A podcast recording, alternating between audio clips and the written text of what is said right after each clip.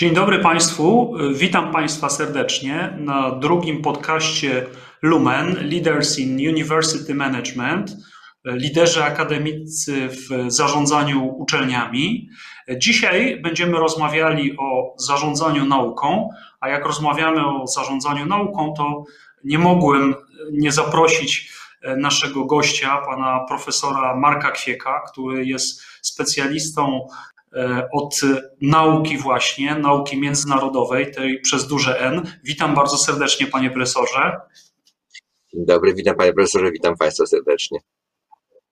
E, szanowni Państwo, pozwól, pozwólcie, że przybliżę sylwetkę e, pana profesora. Od 20 lat zajmuje się międzynarodowymi badaniami instytucji uniwersytetu i to w takiej interdyscyplinarnej perspektywie, bo to jest i filozofia, i socjologia nauki, i ilościowe E, metody dotyczące badań nauki, e, jak również jeśli chodzi o praktykę. Międzynarodowy doradca, ekspert, e, jeśli chodzi o politykę naukową, OECD, Komisja Europejska, Rada Europy, Parlament Europejski, OBWE. Jeśli chodzi o doświadczenie międzynarodowe w projektach, to jest 25 projektów badawczych finansowanych przez Fundację Fulbrighta, Forda, Rockefellera, szósty i siódmy program e, ramowy Unii Europejskiej, no i oczywiście e, instytucje nasze, NCN, NCBIR, Fundację Nauki Polskiej. Mm, e, pan profesor jest też autorem ośmiu monografii, ponad 200 artykułów naukowych w obiegu międzynarodowym i myślę, że warto wspomnieć choćby o ostatniej, najnowszej monografii, Changing European Academics, a comparative study of social stratification, work patterns and research productivity, wydanej w Rutledge w 2019 roku. Mm, pan profesor e, jest też promotorem bardzo wielu e, prac doktorskich e, i wychowawcą młodego pokolenia naukowców. Pracuje w Uniwersytecie Adama Mickiewicza w Poznaniu.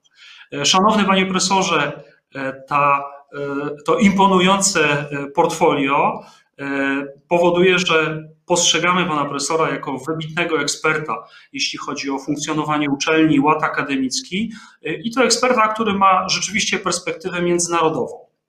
Jeśli przyjrzymy się tym zmianom, które nastąpiły w ciągu ostatnich kilku lat w Polsce, no to przypomina się konkurs na założenie ustawy 2.0, e, który cztery lata temu został przeprowadzony i jednym z wybranych projektów był właśnie projekt pana profesora e, z Uniwersytetu Adama Mickiewicza, stawiający na międzynarodową naukę, e, na konkurencyjność.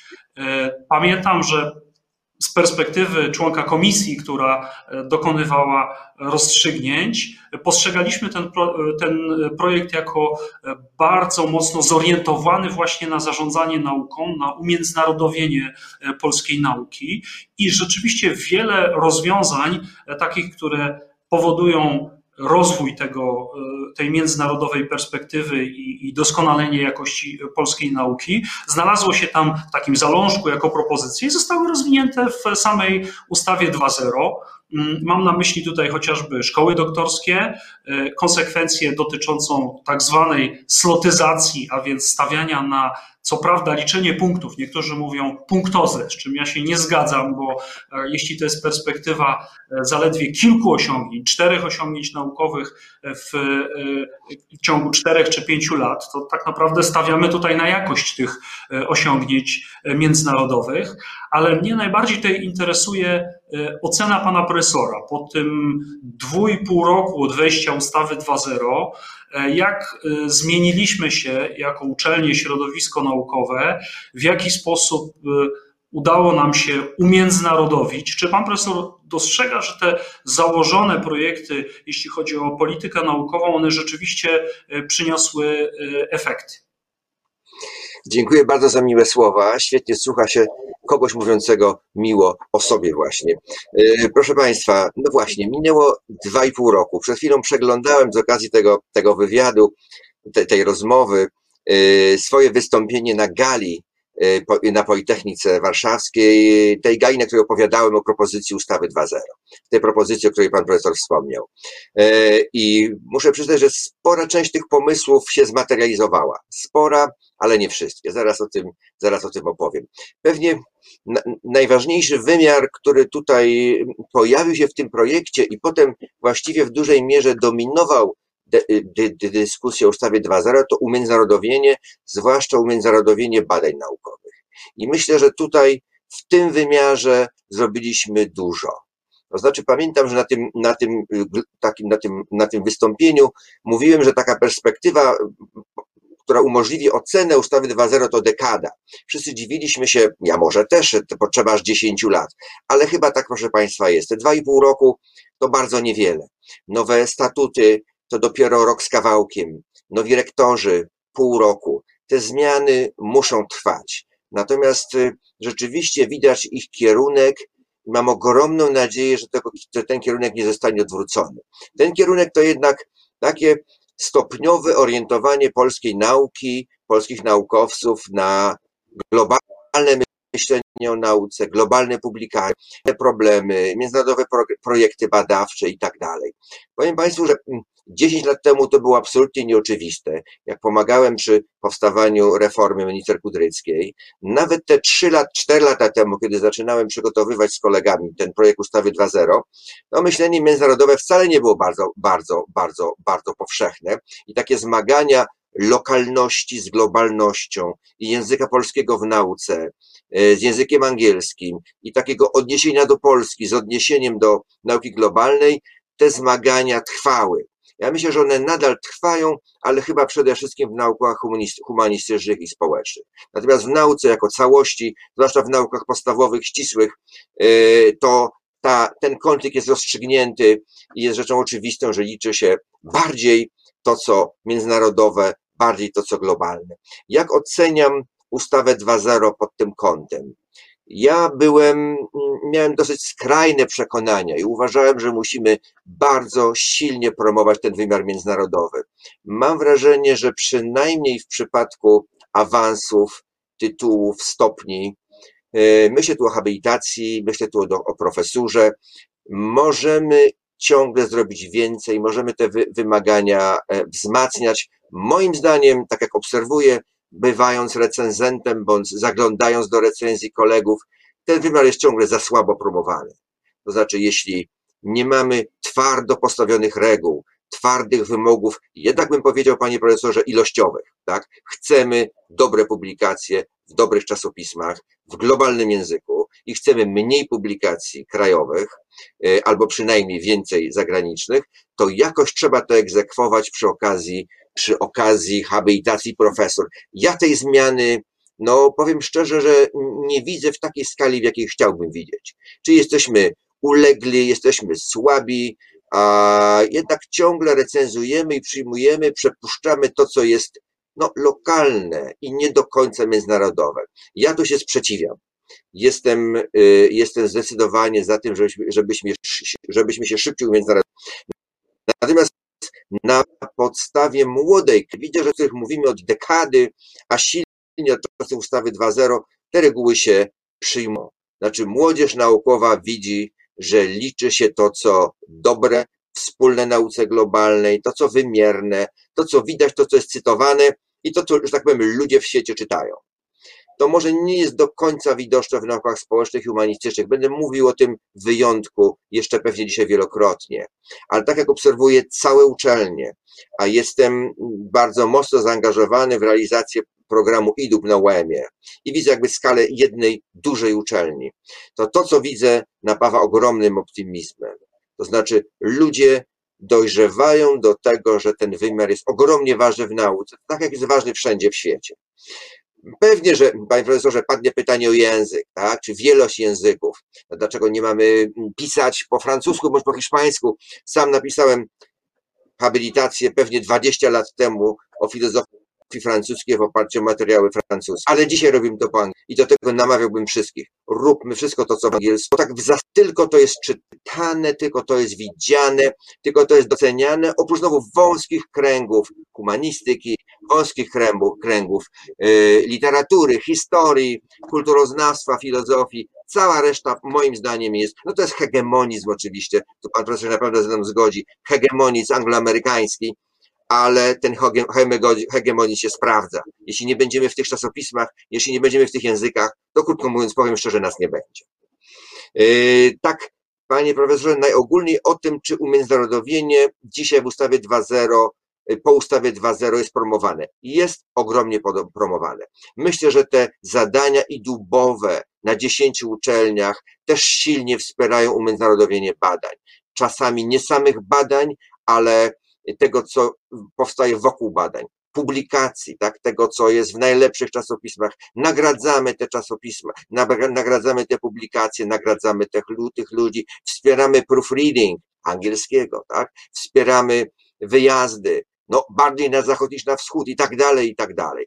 Więc ja te zmiany widzę na poziomie y, powiedzmy nauki. Y, no inna sprawa oczywiście, pewnie nie, nie, wiem, nie wiem, czy będziemy o tym mówić, to są te zmiany w innych misjach uczelni, tak? Czy widzę to w dydaktyce, czy widzę to w tej trzeciej misji? No to jest inne pytanie, nie wiem na ile pan profesor będzie chciał o tym rozmawiać, to jakby inna historia. E, dziękuję bardzo. E, panie profesorze, tak, adwocem z perspektywy swojej dyscypliny, nauk o zarządzaniu, muszę powiedzieć, że, że ja potwierdzam, że, że jeśli chodzi o stopnie naukowe i recenzowanie, to nie stawiamy tutaj e, jakichś wymagań, które drastycznie odbiegają od tego, co e, było jeszcze kilka lat temu, przed wejściem ustawy 2.0, szczególnie jeśli chodzi o tą kwestię umiędzynarodowienia. Natomiast ja mam osobiście również jako recenzent, ale też osoba, która dyskutuje to w środowisku, trochę taką ambiwalencję, bo jednak e, sporo pracowników naukowych programowało tą swoją karierę naukową w oparciu o pewną ciągłość zasad, które panowały jeszcze przedtem, zanim ustawa weszła w życie.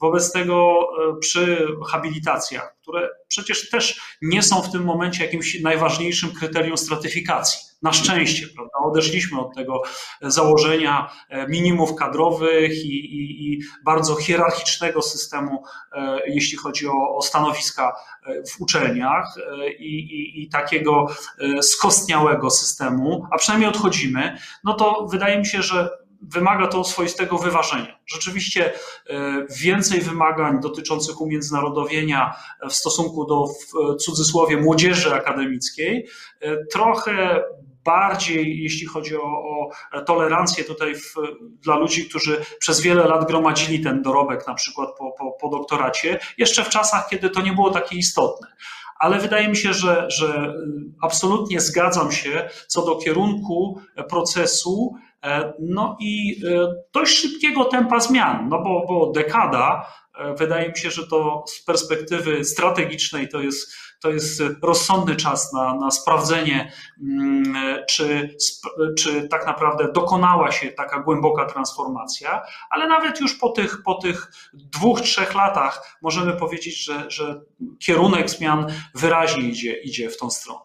Co do mm, drugiej kwestii, kształtowania się tego nowego ładu akademickiego z jego no właśnie nowymi misjami, już nie tylko w sferze nauki, ale również właśnie dydaktyki trzeciej misji, no to powstaje właściwie tutaj pytanie, e, w którym kierunku ten nowy ład podąża. Ja mam takie swoje obserwacje i powiem właściwie tylko e, o, o, o trzech elementach. Pierwszy to jest dość oczywisty, o nim, o nim mówimy, od niego zaczęliśmy, pan profesor też ten wątek e, podkreślił, to jest kwestia e, umiędzynarodowienia. Natomiast wydaje mi się, że to umiędzynarodowienie e, nie jest celem w samym sobie, że tak naprawdę ono służy filarowi w postaci konkurencyjności konkurencyjności polskich uczelni, konkurencyjności polskiej nauki, polskich badaczy, w konsekwencji również konkurencyjności w innych misjach, nie tylko w misji naukowej, ale również właśnie tej dydaktycznej.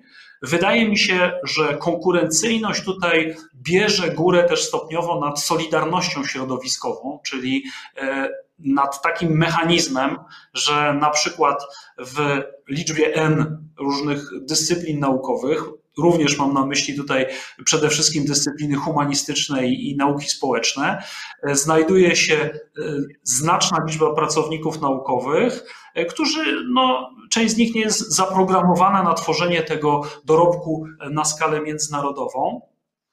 E, I problemem jest takie swoiste właśnie napięcie pomiędzy solidarnością akademicką, wszyscy jesteśmy kolegami, e, pracownikami naukowo-dydaktycznymi, a konkurencyjnością, że tak naprawdę te uczelnie, które zachowają się w sposób bardziej policzalny i będą surowsze, jeśli chodzi o konstrukcję systemów, na przykład e, motywacyjnych, pozwalających na utrzymanie się pracowników w tej liczbie N, e, te mogą być w konsekwencji e, wygrane na procesie mm, ewaluacji naukowej w długiej skali.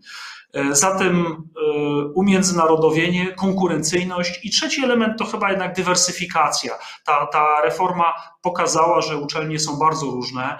Ten podział na 10 e, uczelni badawczych, 10 uczelni, które pretendują do, do tej roli uczelni badawczych e, i całą grupę uczelni, które wybierają nieco inne strategie selektywnego rozwoju naukowego, e, czy też nawet część uczelni koncentrująca się przede wszystkim na działalności dydaktycznej. Także wydaje mi się, że są pewne osie, jeśli chodzi o dokonywanie się zmian w ramach tego nowego ładu akademickiego, że one dotykają nie tylko zarządzania nauką, ale dotyczą właśnie i dydaktyki, i trzeciej misji, że kierunek został nadany i zaprogramowany tutaj w ustawie 2.0, przede wszystkim w odniesieniu do nauki, bo jednak ten projekt był skoncentrowany na, na umiędzynarodowieniu mm, nauki i konkurencyjności polskiej nauki, ale e, zasięg oddziaływania poprzez szkoły doktorskie, poprzez zmianę roli Polskiej Komisji Akredytacyjnej e, poprzez umiędzynarodowienie sposobu nadawania właśnie stopni naukowych i tytułu naukowego. E, tutaj to oddziaływanie jest szersze i o to chciałbym, panie profesorze, zapytać, za tą do, o tą docelową wizję, wizję New Dealu, tego nowego ładu akademickiego w Polsce, jak spotkamy się na rozmowie za 8 lat, kiedy minie dekada od wprowadzenia ustawy 2.0. Y, tak, ten, ten, ten nowy deal się cały czas tworzy i powiedzieliśmy, jak do, o, tym, i, i, o, tych, o tych dwóch biegunach napięcia. I to jest to, to napialny międzynarodowe, zwłaszcza w nauce. Drugi taki budzący, ogromnie ważny, o którym nie mówiliśmy, o którym pan profesor wspomniał, to jest zróżnicowanie. Zróżnicowanie w ramach systemu. To znaczy doskonale wiadomo, że system musi się coraz bardziej Pierwszy ze skromnym finansowaniem to jest ten podział na uczelnie badawcze, dofinansowane w programie IDUB. Y, y, ta, ta cząstka, która oni tych 10 uczelni, tak, 10 plus 10 plus reszta. Myślę, że to jest dopiero pierwszy krok. Znaczy nie da się osiągnąć celów założonych w ustawie 2.0, jeśli system nie będzie się dalej i głębiej dywersyfikował. Znaczy mówiliśmy w tych debatach, dyskusjach wieloletnich o tym, że no, nie ma równości w nauce na poziomie dyscyplin, na poziomie zespołów badawczych, ale również na, na poziomie uczelni. Są uczelnie doskonałe naukowo i są uczelnie słabe naukowo i te słabe naukowe muszą przyjąć ciężar, na, przyjąć na siebie ciężar innej misji. I byłaby to moim zdaniem misja właśnie kontaktów z otoczeniem, y, misja lokalna i misja kształceniowa. Nie wyobrażam sobie sytuacji, w której 90 czy 100 uczelni niesie ciężar misji badawczej. Po prostu niewykonalne, niefinansowalne i na dłuższą metę nie do przyjęcia. Wyobrażam, panie profesorze, że dzisiaj ciągle te różnice są niewielkie. Znaczy, że ciągle pięć najlepszych bierze połowę pieniędzy z NCN-u na badania, ale jednocześnie te pieniądze na badania w NCN są mikroskopijne. Znaczy, to jest kolejny element napięcia. Mówimy o tym po trzech latach, ja mówię po czterech, yy, bo wtedy prezentowałem ten projekt po raz pierwszy, wygrywając z kolegami ten konkurs. I wrócimy do tego za lat, jak mówi pan profesor, osiem. Czy coś się udało zrobić z tym najważniejszym elementem finansowania nauki, czyli konkurencyjnym NCN-em? Czy coś się udało zrobić z tym, że dekadę temu to był miliard i dzisiaj to jest miliard z małym kawałkiem, a gdyby corocznie zwiększać budżet o 10%, tak? a znamy znamy ten efekt procenta kumulowanego, to dzisiaj samych tych zwiększeń procentowych mielibyśmy 2,5 miliarda budżetu NCN-u. I to jest taki rozsądny wymiar finansowania nauki. 2,5-3 miliardy. Sprawdziłem to swoje wystąpienie, mówiłem o 3 miliardach. Mamy ciągle miliard z kawałkiem i to jest, proszę Państwa, nie do przyjęcia. To jest ogromne napięcie, które burzy trochę te nasze myślenie o umiędzynarodowieniu nauki, burzy też to myślenie o tym, że uczelnie się y, różnicują, bo powiem szczerze, nie bardzo mają się czym różnicować. Natomiast y, taką drobną kalkulację sobie przeprowadziłem tutaj na, na, na przykładzie tego wystąpienia. Mówiłem, że byłoby, nie wiem czy Państwo pamiętacie, czy Pan Profesor pamięta taki pomysł milion za milion. Znaczy każdy milion z NCN-u bądź milion turowany gospodarki, uczelnia dostaje drugi milion. I tak się okazało, proszę Państwa, że moja uczelnia, czyli UAM, dostaje rocznie, czy wygrywa rocznie w NCN-ie 50 milionów złotych, tak? I w programie IDUB dostaje rocznie ha, ha, ha, paradoksalnie, dokładnie 50 milionów. I to jest w innej formie, tak? W projekcie idubowym, poniekąd milion za milion. Są to całkowicie wolne, luźne środki drugie 50 milionów, milion za milion, czy 50 za 50, które, z których uczelnia korzysta w sposób strategiczny, tak jak chciała, tak jak wymyśliła, tak jak zaproponowała, wygrała, tak właśnie robi. Panie profesorze, że te zmiany uczelni to też jest takie napięcie, o którym, o którym możemy mówić. To znaczy, w dobrych uczelniach te zmiany mogą być duże i mają szansę na dofinansowanie. NCN-owskie i Dubowskie, czy dobrych W ogromnej większości uczelni ani nie ma tych pieniędzy, ich nie będzie, ani nie ma tych zmian. I można powiedzieć, że największe zmiany będą tam, gdzie są największe pieniądze, i to są właśnie uczelnie, uczelnie badawcze. Natomiast jak sobie wyobrażam to napięcie kształceniowe, niekształceniowe, no ciągle mamy we wszystkich typach uczelni w zasadzie takie same pensum. Czyli krótko mówiąc, mamy ogromną liczbę freeriders, tak? czyli osób, i to jest kilkadziesiąt tysięcy, które w tych kiepskich naukowo uczelniach czują się doskonale. To są najlepsze miejsca pracy. Proszę zwrócić uwagę, proszę Państwa, 240 godzin zajęć w roku, tak? Dobrze, z przygotowaniem, niech to będzie 500 godzin zajęć, dowolna liczba trzy miesiące wakacji. To jest, to jest doskonałe miejsce pracy. Natomiast w ustawie 2.0 myśleliśmy w takim kierunku, że uczelnie badawcze będą trochę odciążone od kształcenia i będą uprawiały większą liczbę badań naukowych, ale te uczelnie, które nie robią nauki, a wiemy jakie to są uczelnie, bo mamy dokładną, dokładny przegląd publikacyjny całości systemu, w tych uczelniach ludzie będą kształcić uczyć studentów radnie więcej. I to nas, proszę Państwa, mm, czeka, bo taki free riding połowy osób w systemie, czy nawet dwóch trzecich osób w systemie, na dłuższą metę jest nie do przyjęcia. Czyli krótko mówiąc, e, ci badacze w najlepszych uczelniach robią wszystko naukowo, wznoszą swoje uczelnie na wyżyny z pomocą IDUBA bądź bez, bez tej pomocy, a również kształcą na potęgę. I równocześnie w dwóch trzecich systemu nauki nie ma, a kształcenie jest na poziomie tradycyjnym tego pensum sprzed lat 5, 10 i 15. Więc myślę, panie profesorze, że ta zmiana nas czeka. I to napięcie uczelnie bardziej kształceniowe i bardziej y, badawcze y, będzie coraz ostrzejsze, to znaczy bardziej badawcze będzie oznaczało jednak inne pensa, a bardziej kształceniowe będzie oznaczało, rzecz jasna, mieć, ba mniej badań, bo tam nie będzie, nie będzie pieniędzy na badania, ale równocześnie y, większa koncentracja na świetnym kształceniu studentów. To jest wykonalne. To nie jest pewnie wykonalne jakby w tej kadencji rektorów. Są obiecane. Wszyscy wiemy, jak te wybory się odbywały. One były jeszcze tradycyjne, tak? To nie były rady uczelni, panie profesorze, tak jak sobie planowaliśmy. To nie była rada powiernicza, to nie były komitety nominacyjne. To ciągle były wybory przez przez elektorów, tak, stu w dużych uczelniach, czy więcej, dziesięciu, rektorzy mają. Ale w kolejnym rozdaniu mam wrażenie, że te zmiany mogły na to poczekać, krótko mówiąc, i wtedy to napięcie międzynarodowe będzie w nauce, wtedy to napięcie y, kształcenie, badania, więcej kształcenia, więcej badań w różnych typach uczelni, czyli dywersyfikacja, czyli zróżnicowanie, to napięcie też będzie silniejsze. No i wreszcie jednak to trzecie, o którym ja wspominałem od zawsze, również w tym wystąpieniu, atrakcyjność akademickiego miejsca pracy.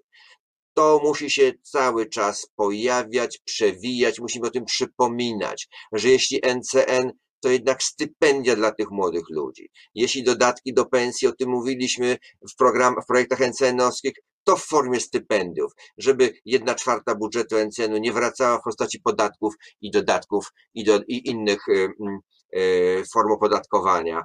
Y, to nas wszystko czeka. Myślę, że ta dekada to jest tak akuratna wprowadzenie w życie zrębów tego systemu. Ten system musi być radykalnie zróżnicowany, musi być silnie międzynarodowy, międzynarodowy w tych swoich górnych warstwach. Nie wszędzie. Nie możemy ludziom opowiadać bajek, że w małych uczelniach, w małych miejscowościach wymagamy od nich publikacji międzynarodowych w najlepszych czasopismach, bo nie wymagamy. Za kilka lat nawet nie będziemy wymagać porządnych badań, bo nie będziemy w stanie ich sfinansować. Więc nasze oczekiwania muszą się zmienić, system musi się zdywersyfikować i ta międzynarodowość musi być silniejsza w górnych częściach systemu, a ta lokalność będzie i będzie trwała w tych miejscach e, bardziej lokalnych, bardziej takich właśnie przyklejonych do lokalnych rynków pracy, przyklejonych do studentów, duża liczba godzin, duża liczba godzin kontaktowych, dużo spotkań. No, student w centrum, tak? Nauka w centrum oraz student ważny w uczelniach badawczych i jednak student w centrum, lokalne biznesy w centrum w uczelniach y, lokalnych. Takie są te najważniejsze, panie profesorze, osie tych napięć, jakie dzisiaj widzę. Pewnie jest ich więcej, ale te trzy uważam w tym momencie za najistotniejsze. E, dziękuję bardzo. E, panie profesorze, no nie możemy nie zająć się tutaj wątkiem e, pandemii, choć rozmawiamy wiele na ten temat. Wiemy, że dokonuje się swoista rewolucja, przekształcenie w kierunku uniwersytetu cyfrowego, kształcenia zdalnego, jak to w mm, amerykańskich analizach e, higher education paperless, prawda, czyli zarządzanie uczelnią bez, bez papieru, która no, miałaby odbiurokratyzować te, te, te procesy. My e, obserwujemy to, jednocześnie widzimy, że to są pewnego rodzaju nieciągłe zmiany, to znaczy na przykład e, mniejsze uczelnie w Stanach Zjednoczonych popadły w problemy, wzrasta fala potencjalnych przejęć, fuzji tych uczelni, część z nich zagrożona bankructwem. I właściwie e, powstaje pytanie, jaki będzie e, ten uniwersytet, a może szerzej e, świat szkolnictwa wyższego po pandemii koronawirusa, bo ja mam wrażenie, że zmiana będzie dość radykalna, jeśli chodzi o osie, które rysujemy te, tych dokonujących się procesów, no to wiemy, że pewnie obudzimy się w świecie hybrydowym. Nie y, zatracimy tych umiejętności zdalnego kształcenia, y, uczenia się, prowadzenia badań naukowych, których po prostu się nauczyliśmy tutaj wspólnie jako, jako społeczności i w jaki sposób będziemy to dyskontowali. Wydaje się, że możemy tutaj jakby z jednej strony powiedzieć sobie świat uczelni, e, świat nauki w dużej mierze sprostał temu wyzwaniu związanemu z e, twardą nauką, przygotowaniem e, szczepionek. Świat miękkiej nauki, mam na myśli tutaj humanistykę i nauki społeczne właśnie, no jak, jak trosze, trochę gorzej poradził sobie z politykami, ale też testuje określone eksperymenty w, w wielu krajach i, i, można porównać tutaj e, efekty. Mm, natomiast powstaje pytanie, jak zmienimy się my, nasza tożsamość organizacyjna, e, nasza rola pracowników naukowych i, i, i dydaktycznych. Jak pan profesor postrzega tą, tą e, rewolucję? Myślę, że ten świat zmienia się dosyć radykalnie. To znaczy, wyobrażam sobie jakby kilka wymiarów. Świat nauki, nauki globalnej, świat kształcenia studentów, świat instytucji, e, no i powiedzmy, że świat kadry naukowej. Z jednej strony, jak się patrzy na liczbę publikacji, a śledzę to bardzo szczegółowo, to czasy pandemii poniekąd sprzyjają rozwojowi nauki i rozwojowi współpracy międzynarodowej. Znaczy, jeszcze nigdy w przeszłości tyle osób nie pracowało razem wspólnie, międzynarodowo nad problemami y, tradycyjnymi, ale jednak rozwiązywanymi tym razem międzynarodowo. Ja też w swoim życiu zawsze byłem dosyć silnie umiędzynarodowiony w życiu naukowym, ale to dopiero w ostatnim roku biorę, biorę udział w tak ogromnej liczbie seminariów, webinariów, keynote speeches, invited lectures w takiej skali globalnej. Czyli o ile miałbym pewnie problem, żeby, żeby rok temu czy dwa lata temu lecieć do Hongkongu, bo nie miałem czasu, nie miałbym czasu, yy, to dzisiaj takie, takie, takie proszony wykład się odbywa i, i, i tyle. Miałbym problem z poleceniem do Luksemburga czy do Oksfordu, bo to dwa, trzy dni, yy, a teraz jakby jestem zapraszany, biorę udział, występuję jest to trochę inny rodzaj, rodzaj współpracy. To jest trudny okres dla młodych ludzi. My, panie profesorze, trochę starsi, e, mamy swoich znajomych, mamy swoje kontakty, jesteśmy znani i z tego korzystamy. Ale młodzi ludzie, jak nie są zapraszani e, i pojawiają się tylko online, to występują w zupełnie innej sytuacji. Oni są najczęściej słuchaczami, z włączonymi kamerkami albo bez włączonych kamerek i dla nich ta sytuacja jest trudna. Również sytuacja pandemii jest ogromnie trudna dla, dla części kobiet, to znaczy pojawia się ten po raz kolejny, zresztą stały y, problem no, tego, że kobiety, krótko mówiąc, w nauce zawsze miały trudniej. A dzisiaj, jeśli mają dzieci, to mają radykalnie trudniej. Jeśli są w domu, tak, i wszyscy pracują w domu, bo są zamknięci w lockdownie, to kobiety mają po prostu trudniej. I my to widzimy, sporo badań powstaje na ten temat dotyczących na przykład aktywności kobiet pod kątem składania wniosków, y, y, pod kątem składania publikacji, czy współautorstwa publikacji. Wiemy, że kobiety mają trudniej. Skądinąd wiemy, że młodzi ludzie będą mieli właśnie trudniej w kontaktach międzynarodowych, bo ich nie ma. Kiedyś latali, a dzisiaj nie lecą. Mało tego, tak jak pan profesor powiedział, jestem przekonany o tym, że ta, ta hybrydowa forma współpracy przetrwa.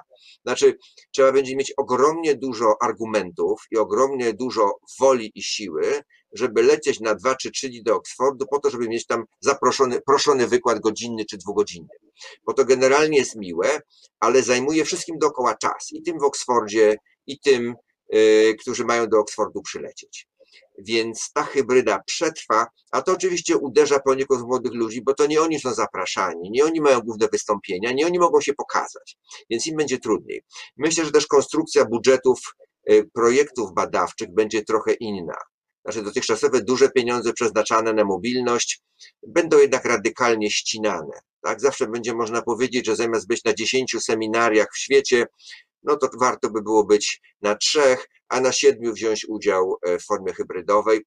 Mam wrażenie, że w nauce to jest doskonałe rozwiązanie. Ono jest ciężkie dla niektórych jakby segmentów kadry, tak, powiedzmy dla młodych ludzi, ale ono się doskonale sprawdza, bo zabiera mało czasu. E, teraz, jeśli chodzi o, o to, jak suchą stopą przeszły instytucje przez pandemię, mam wrażenie, że najlepiej najlepiej pandemię zniosą, znoszą te kraje i te instytucje, które mają silne wsparcie państwowe albo silne wsparcie filantropijne. Znaczy nikt by nie powiedział, że Stanford czy Harvard ma, mają problemy związane z pandemią, z, na przykład z niedoborem środków finansowych, czy że polskie uczelnie, tak, w 80 czy w 90% finansowane ze środków państwowych mają problemy finansowe, bo, bo wiemy, że nie mają. Natomiast w krajach anglosaskich zwłaszcza uczelnie, które utrzymują się z czesnego, zwłaszcza z czesnego pochodzącego od studentów międzynarodowych, uczelnie te mają ogromne problemy. Wspomniał pan profesor o małych uczelniach typu liberal arts w Ameryce, jasne, ale też uczelnie brytyjskie mają problemy. Uczelnie australijskie mają problemy, bo niespodziewanie połowa Chińczyków, którzy stanowili 40% studentów w niektórych uczelniach, z różnych powodów nie przyjechała, głównie pandemicznych, ale też innych. Więc takie, myślę sobie, że pandemia nauczyła nas, przynajmniej w Europie, nauczyła tego, że poleganie na y, wsparciu finansowym państwowym jest ogromnie ważne. Warto mieć ten core state income, czyli podstawowe dochody państw. Ja przez wiele lat studiowałem, badałem non-core, non-state income w uczelni przedsiębiorczych i myślałem, że to jest tak ogromnie ważne i daje taką wolność i takie, takie właśnie wolne, luźne pieniądze. Non-core, czyli niepodstawowy i non-state, niepaństwowy. między innymi czesne, ale też filantropia, ale też pieniądze z biznesu. Okazuje się, że w trudnych sytuacjach pieniądze jakby znikają, ich po prostu nie ma. Instytucje mają ogromne problemy organizacyjne, yy, pojawiają się, pojawiają się mergers, acquisitions, one po prostu znikają, znikają z mapy. Nie śledzę tego w Polsce, chociaż zajmowałem się przez dłuższy czas sektorem prywatnym, ale mam wrażenie, że pandemia też bardzo silnie dotyka sektor prywatny w ogóle w świecie, chyba że odpowiedzią jest ta hybryda, odpowiedzią jest kształcenie zdalne, odpowiedzią jest ten brak e, lokalizacji i komputer i świetni wykładowcy i wtedy wyobrażam sobie, że ten sektor jest w stanie bardzo dobrze przetrwać. Natomiast pytanie o pandemię to również pytanie o to, e, co dalej w sensie takim technologii, uczelni, badania naukowe. Myślę, że nieprawdopodobnie rozwijamy się jako uczelnie technologicznie. Coś, co kiedyś było aberracją typu seminaria doktoranckie prowadzone, nie wiem, zdalnie, tak, że zupełnie nie, nie do pomyślenia jeszcze dwa czy trzy lata temu. Dzisiaj z kolei osobiście jest nie do wyobrażenia w wersji takiej tradycyjnej. Czyli, że czwórka, piątka czy siódemka osób spotyka się w jakimś budynku, zmierza do tego budynku, przyjeżdża, parkuje, siedzi tam przez dwie, trzy godziny. Trudno powiedzieć, czy to jest najlepsze rozwiązanie, w każdym przypadku i tak y, w sposób trwały. Te czasy, kiedy ja jeździłem na takie spotkania, pamiętam jak pędziłem przez miasto, żeby się nie spóźnić, bo prowadzący nie może się spóźnić, dzisiaj odeszły. Dzisiaj włączamy komputery dwa, trzy razy w tygodniu, siedzimy po dwie, trzy godziny, dwa, trzy razy w tygodniu i myślę, że to jest ta nowa akademicka, hybrydowa. Jakby to się będziemy, ale mam wrażenie, że ogromnie dużo dotykając się, nawet nie czując, że inny rodzaj spotykania, my się po prostu spotykamy. I to jest taka trwała, jak, jak miałbym odpowiedzieć na pytanie to podstawowe pana profesora, to bym odpowiedział, że one są i trwałe, i radykalne. Dziękuję bardzo, panie profesorze. Chciałbym przejść teraz do wątku dotyczącego zarządzania nauką w uczelniach. Odejść od tego poziomu makro, e, ładu akademickiego, reformy, mm, wpływu pandemii na, na, na całe szkolnictwo wyższe e, i zająć się na chwilę właśnie poziomem meco, w jaki sposób zarządzać nauką w uczelniach. Przyznam, że mam tutaj taki, taki e, dylemat. Wydaje mi się, że mm, w pewnym sensie jesteśmy w napięciu pomiędzy taką perspektywą zarządzania wartością publiczną, oczywiście w uczelniach publicznych, a nowym publicznym zarządzaniem, a więc quasi biznesowym podejściem. Czyli e, tak naprawdę z jednej strony odwołujemy się do, tego, do tej kultury akademickiej, mojej tytułowej kultury akademickiej, a z drugiej strony swoistego końca utopii tej, tej kultury akademickiej, kiedy wprowadzamy metody zarządzania nauką, które mają e, swoje korzenie w biznesie. Kiedy rozmawiamy o systemach motywacyjnych, o różnicowaniu wynagrodzeń, o policzalności, accountability, e, płaceniu za efekty, pan profesor też o tym mówił, pay for e, performance. I generalnie stawianiu na rozwiązania konkurencyjne, jakkolwiek e, nie całkiem wolnorynkowe, bo tutaj pan profesor ten wątek ingerencji, e, wpływu państwa podniósł jako taki sztandarowy, ale jednak ze stworzonymi mechanizmami wyraźnymi konkurencji, z miarami, z mm, takim efektem konkurencyjności wygranych i przegranych w obrębie tego systemu. I przyznam, że to, to, to napięcie e, to jest właśnie dla mnie źródło dylematu. Rozmawiam z kolegami na, na swoim uniwersytecie, e, z, z innych uczelni, czasami zwracają uwagę, no właściwie te systemy zbliżają nas do rozwiązań e, korporacyjnych, a nie zawsze okazują się efek efektywne. Są pracochłonne, E, są mm, biurokratyczne, a pytanie, na ile będą skuteczne, no przecież e, działalność naukowa musi mieć aspekt e, etosu i, i, i, wartości autotelicznej, prawda, a nie e, orientacji na osiągane rezultaty finansowe czy, czy wzrost prestiżu. I, i chciałbym pana profesora poprosić tutaj o, o komentarz, jakimi metodami zarządzania nauką i strategiami zarządzania nauką warto tutaj było by się posłużyć, żeby nie przesadzić z tym systemem e, quasi korporacyjnym. Tak, to jest, to jest doskonałe zagadnienie. Myślę, że zmagamy się z nim w Polsce od jakichś 10 lat, czyli od reform minister Kudryckiej, kiedy zorientowaliśmy się, że możemy być policzalni. Policzalni, rozliczalni jako naukowcy, ale również jako zespoły badawcze, jako dyscypliny, jako wydziały, jako uczelni, wreszcie jako kraj. To znaczy, jak pojawiły się rankingi, to schodząc na ten poziom niższy były kraje, jeszcze niżej były instytucje, ale w końcu gdzieś tam na samym dole były wydziały i dyscypliny, no i my naukowcy. I teraz jakby moje podejście do tego problemu jest również dosyć ambiwalentne. Zakładam, że w takim idealnym świecie, w którym naukowcy zajmują się nauką na bardzo dobrych uczelniach, właściwie rozliczalność jest kontrproduktywna. To znaczy liczenie to jest duże obciążenie biurokratyczne, zajmuje nam dużo czasu, nie bardzo wiadomo, po co mielibyśmy liczyć te dobre czy bardzo dobre publikacje, w jakim celu. Ale równocześnie wiem, że nasz świat nie jest idealny, a na pewno nie jest taki jak świat najlepszych uczelni świat polskich dobrych uczelni nie jest podobny do świata najlepszych uczelni zachodnich. A to oznacza, że mamy mnóstwo ciągle jeszcze freeriders. Przepraszam, że wracam drugi raz do tych, do tych jeżdżących na gapę. Więc mamy freeriders.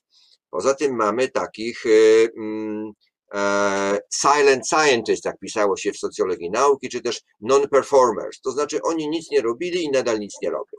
To nie jest świat idealny. I w takiej sytuacji jednak jakieś liczenie osiągnięć jest ważne, osiągnięć wydziałów czy dyscyplin. To znaczy to N, N osób, które mają zero publikacji istnieje. I to yy, i ci mm, nie produkujący nauki, nie, nie starający się o granty, nie robiący badań naukowych, to jest ciągle spora część polskiej nauki. I to paradoksalnie nie tylko w naukach społecznych, humanistycznych, ale we wszystkich obszarach nauki, również w naukach ścisłych, z wielu powodów. Jesteśmy ciągle bardzo dobrzy, jesteśmy ciągle solidarni, y, w sensie takim, jesteśmy wspólnotowi. To znaczy nie słyszałem o tym, żeby masowo zwalniano kadrę, która nie zajmuje się badaniami albo, albo nie ma publikacji. My tego po prostu nie robimy, bo jest to wbrew naszej naturze. I powiem, że bardzo dobrze, ale to jedynie powoduje, że no musimy próbować liczyć i podliczać to, co robimy jako wydziały, jako dyscypliny, jako uczelnie, przede wszystkim po to, że w jakiejś mierze staramy się o środki publiczne. Mówił pan profesor o konkurencyjności. Tak, to jest konkurencyjność między zespołami badawczymi, ale to jest również konkurencyjność między dyscyplinami na różnych uczelniach i między uczelniami. Znaczy, jak dzielić środki, skromne środki niestety ciągle, ale również środki NCN-owskie, bardzo skromne, jeśli mielibyśmy nie liczyć tego, co robimy w życiu. Znaczy, kumuluje się nasz dorobek, nasz dorobek indywidualny, również nasz dorobek wydziałowy czy dyscyplinarny w ramach uczelni i z tej kumulacji wychodzi liczba n, cokolwiek by to było. I w jednym miejscu ta liczba n jest mała, a w drugim miejscu ta liczba jest duża. I w tym miejscu, w którym jest duża, zakładamy, że powinno być w przyszłości więcej środków na badania niż w tym miejscu, w którym ta liczba N jest mała. To dotyczy zespołów badawczych, jednostek, ludzi i wreszcie całych, całych, całych uczelni. Mam wrażenie, że ciągle jeszcze nie, znaczy rozumiemy już, że to nie jest punktoza. Pan profesor słusznie zauważył, że liczenie czterech slotów to nie jest punktoza, to jest początek do rozliczalności. Y, I po tym początku widać, że są miejsca czy dyscypliny bardzo dobre i są dyscypliny gorsze i są miejsca beznadziejne. To znaczy, ja niestety nie jestem fanem tej nowej, tej nowej ewaluacji z trochę innych powodów niż pan profesor. To znaczy, pan zgadza się, że cztery sloty to jest dobre rozwiązanie, jest powiem tak, cztery lepsze niż dwadzieścia. Ale z drugiej strony, porównywanie, porównywanie instytucji czy, czy dyscyplin, w których jest mała grupa niezwykle aktywnych, dobrych naukowców i drugiej instytucji w tej samej dyscyplinie, w której jest spora grupa średnich naukowców, to jest porównywanie jabłek z pomarańczami. I ja mam takie wrażenie, że ta ewaluacja, na którą czekamy, może być i właściwie będzie pewnie całkowicie nieprzewidywalna. Znaczy nie wiemy, ile osób wejdzie ostatecznie do tego liczonego N. Nie wiemy też, w jakiej mierze ci najwięcej publikujący, ci top performers, a przypomnę tylko Państwu, Panu Profesorowi, że pokazaliśmy, pokazywaliśmy wielokrotnie, że 10% kadry robi połowę nauki, 10% robi 50% publikacji. Więc jeśli tych top performers w danej dyscyplinie, w danej uczelni jest wielu, a te sloty są małe yy, i trudno je, że tak powiem, zapełni, to znaczy one są zapełnione, byłyby zapełnione tych najlepszych i porównujemy tych średnich. A jeśli porównujemy średnich w dyscyplinach, to może się okazać, że ta gorsza de facto w międzynarodowych bazach danych, czy w takiej opinii międzynarodowej, ta gorsza, to gorsze miejsce wypadnie w, ewaluacji lepiej, czy minimalnie lepiej, niż ta super, super dobra, siłą niewielkiej liczby top performers. Czyli to jest taki system, obawiam się, który może być karą dla tych miejsc bardzo dobrych, z małą ilością bardzo dobrych naukowców. I to byłoby też kontrproduktywne. My to trochę widzimy dzisiaj w niektórych obszarach, w których powiedzmy napisanie czterech samodzielnych tekstów filozofii przez cztery lata to jest zupełnie co innego niż napisanie zbiorowych publikacji e, w dziedzinie, w której 90% naukowców pisze zbiorowe publikacje. To znaczy ten system, mam wrażenie, na przyszłość musiałby zostać zróżnicowany do dyscyplin. Ja sobie wyobrażam, że jakby to powiedzieć, wzorce publikacyjne dyscyplin i dopasować sposoby lotów, sposoby oceniania, bo w niektórych obszarach cztery publikacje to bardzo mało. W związku z tym też, co wyjdzie z ewaluacji, to trochę nie wiadomo. Tworzyliśmy sobie duży kaganiec w postaci prawa do y, utrzymywania szkół doktorskich, prawa do udziału w programie ministerialnym IDUP i kilka jeszcze takich ogromnie ważnych rozwiązań. Natomiast w sensie finansowym prawdopodobnie ocena ewaluacyjna to będzie różnica kilku procent budżetu, tak? Może dwóch, może trzech procent. Więc finansowo znaczenie nie, natomiast w sensie dostępu do możliwości znaczenie bardzo duże, być może nawet za duże. No ale zobaczymy, proszę ewaluacja, kiedy będzie ewaluacja i jakie będą jej konsekwencje. Tak patrząc dookoła na to, co się w ostatnich latach dzieje, wrażenie, że będziemy ją poprawiać. Będziemy ją poprawiać, będziemy ją modyfikować. Właśnie tu różne niuanse brać pod uwagę, dyscyplinarne przede wszystkim, że filozofia, w której 1% publikacji jest jednoautorskich, to nie jest to samo co chemia, w których 10% publikacji jest jednoautorskich i tego się ze sobą nie da dokładnie zestawić. E, dziękuję bardzo. No, panie profesorze, adwocem do tego wątku. Wydaje się, że e, reformy reform są nieuchronne. Mam nadzieję, że będziemy, że będziemy poprawiali. Mam nadzieję też, że będziemy poprawiali w, w dobrym kierunku, takim, który został wytyczony, uwzględniający perspektywę konkurencji międzynarodowej. Mm, wydaje mi się, że też jest ogromne zadanie tutaj jednak z poziomu zarządzania samymi uczelniami. Czy je będzie stać na wewnętrzny proces e, taki stratyfikacyjny, e, czy system e, obecnie skonstruowany w jaki sposób będzie stymulował w, w tym kierunku. To są, to są myślę, spore, spore wyzwania i, i, i zależą one no, nie tylko od zarządzających uczelniami, ale też całej społeczności akademickiej, no i mają swoje e, zmienne związane z wpływem e, polityki, finansowania uczelni. E, panie profesorze, chciałbym na koniec przejść do takiego wątku w, w skali mikro, ale chyba najważniejszego, czyli ten, który przewijał się tutaj w dyskusjach, młodzi ludzie, młodzi pracownicy nauki, e, ci e, adepci, z którymi wiążemy nadzieję, że następuje selekcja pozytywna, że jest dobre finansowanie, godne finansowanie w ramach szkół doktorskich, że uruchomione zostały mechanizmy właśnie konkurencji i umiędzynarodowienia. No i powstaje tutaj pytanie, w którym kierunku można by było doradzić swoiste inwestycje strategiczne, jeśli chodzi o rozwój własnej kariery naukowej, to się trochę różni od tego, z czym mieliśmy do czynienia właśnie 20-30 e, lat temu. Ja mam podobną obserwację, bycie poliglotą i wygłaszanie wykładów w języku francuskim, hiszpańskim, rosyjskim było wtedy ogromnym walorem. Dzisiaj rzeczywiście imperializm, e, jeśli chodzi o język angielski, ale myślę, że też kilka innych tendencji, mianowicie e, jednak tendencja do pracy zespołowej y, i pogłębiająca się specjalizacja. Tak jak sobie przypominam te procesy, w których sam byłem oceniany z, z, przy okazji habilitacji profesur, gdzie liczony był dorobek indywidualnie wykonywany i, podkreślane była, była waga tego, tego dorobku. Dzisiaj zespoły i specjalizacja są dość fundamentalne również w naukach społecznych i humanistycznych. Kwestie umiędzynarodowienia nie wymagają tutaj, tutaj e, komentarza.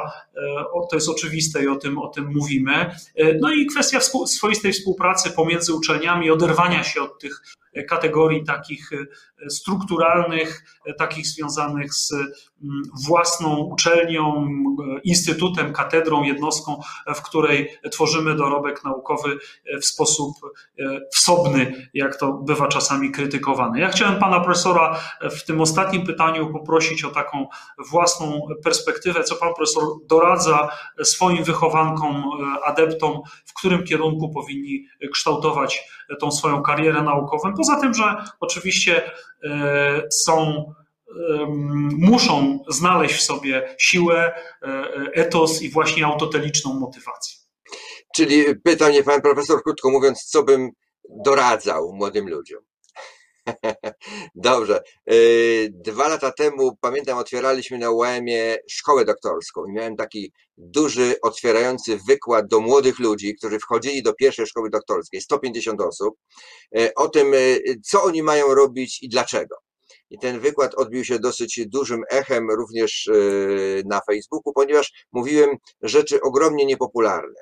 Mówiłem między innymi tak, i to bym też dzisiaj radził młodym ludziom. Znaczy, mówiłem, mówiłem mniej więcej coś takiego.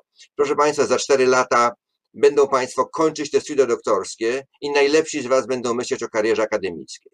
I co wtedy będzie się liczyć? Gwarantuję Państwu, że absolutnie nie będzie się liczyła liczba przepracowanych godzin ze studentami ani nie będzie się liczyła e, praca w dużych, e, e, mało liczących się zbiorowych projektach o, o, o nikłym, o nikłym natężeniu nauk. Będą się liczyły przede wszystkim państwa kontakty międzynarodowe, państwa finansowanie konkurencyjnie zdobyte z NCN-u i być może przede wszystkim publikacje, ale nie, nie publikacje w ogóle, ale publikacje międzynarodowe i zwłaszcza publikacje w najlepszych czasopismach, a takie się pewnie pojawią i dzisiaj to sobie sprawdziłem, co mówiłem, e, tak jakby, no myśląc, że pewnie coś będę chciał radzić, zwłaszcza publikacje ze swoimi promotorami. Znaczy trudno sobie wyobrazić świetne publikacje w świetnych miejscach, doktorantów, tak jakby znikąd. To są prace zbiorowe i warto inwestować w wspólne publikowanie z promotorami, bo, bo to jest realne.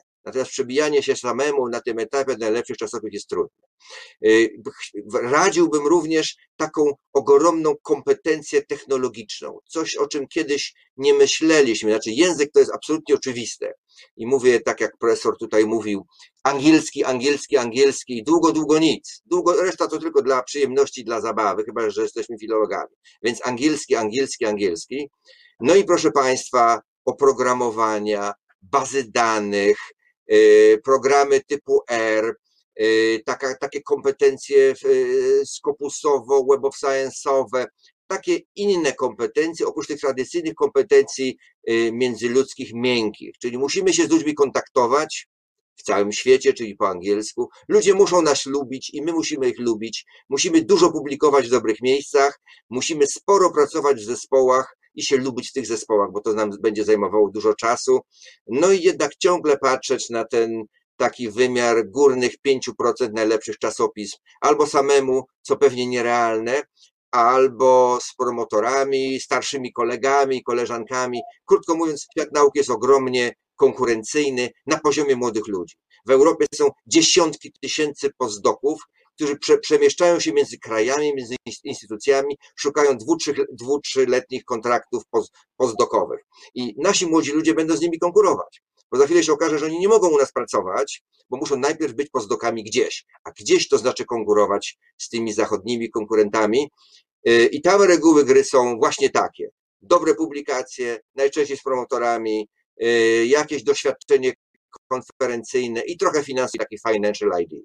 No i pewnie tyle, panie profesorze. Dziękuję bardzo. E, mm, szanowny panie profesorze, no, planowałem, że e, utrzymamy się w reżimie czasowym, ale, ale wypowiedzi były fascynujące i, i przedłużyliśmy nieco czas. Nie udało nam się. Przepraszam. To, to bardzo dobrze, to bardzo dobrze. E, e, drogi panie profesorze, ja chciałbym bardzo, bardzo gorąco podziękować za, za czas. Mogę powiedzieć, że tak, reasumując, właściwie no, mamy trochę nową wizję systemową tego, tego zarządzania uczelniami.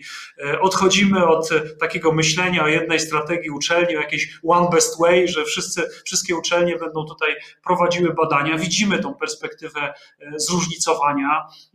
Przede wszystkim właśnie zróżnicowania w sferze tego, o czym dzisiaj rozmawialiśmy, czyli w sferze nauki właśnie. Odejścia również od takich skostniałych struktur, to wielokrotnie w tej naszej rozmowie e, przewijał się ten wątek e, tych zespołów międzyuczelnianych, e, międzynarodowych, tej współpracy, która nie jest związana właśnie z jednym miejscem pracy. I wreszcie trzecia sfera, sfera kulturowa, odejścia od tego myślenia w kategoriach kultury postfolwarcznej i jednak perspektywa umiędzynarodowienia i myślenia konkurencyjnego również o e, całym e, systemie uczelni i e, no, jego poszczególnych elementach. Ja myślę, proszę Państwa, że dzięki takiej perspektywie tutaj zaprezentowanej przez pana profesora mamy bardzo wyraziste stanowisko przemawiające za umiędzynarodowieniem i za konkurencją, bardzo konsekwentne.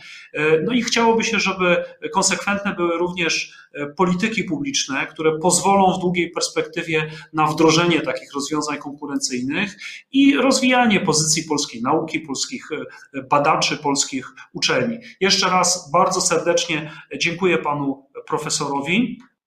Bardzo dziękuję za to przemiłe spotkanie. Było, było, było mi ogromnie, ogromnie miło. Dziękuję jeszcze raz. Dziękuję bardzo i pozwalam sobie Państwa zaprosić e, na kolejny podcast 27 e, kwietnia w samo południe, we wtorek. Zapraszam Państwa serdecznie. Dziękuję bardzo.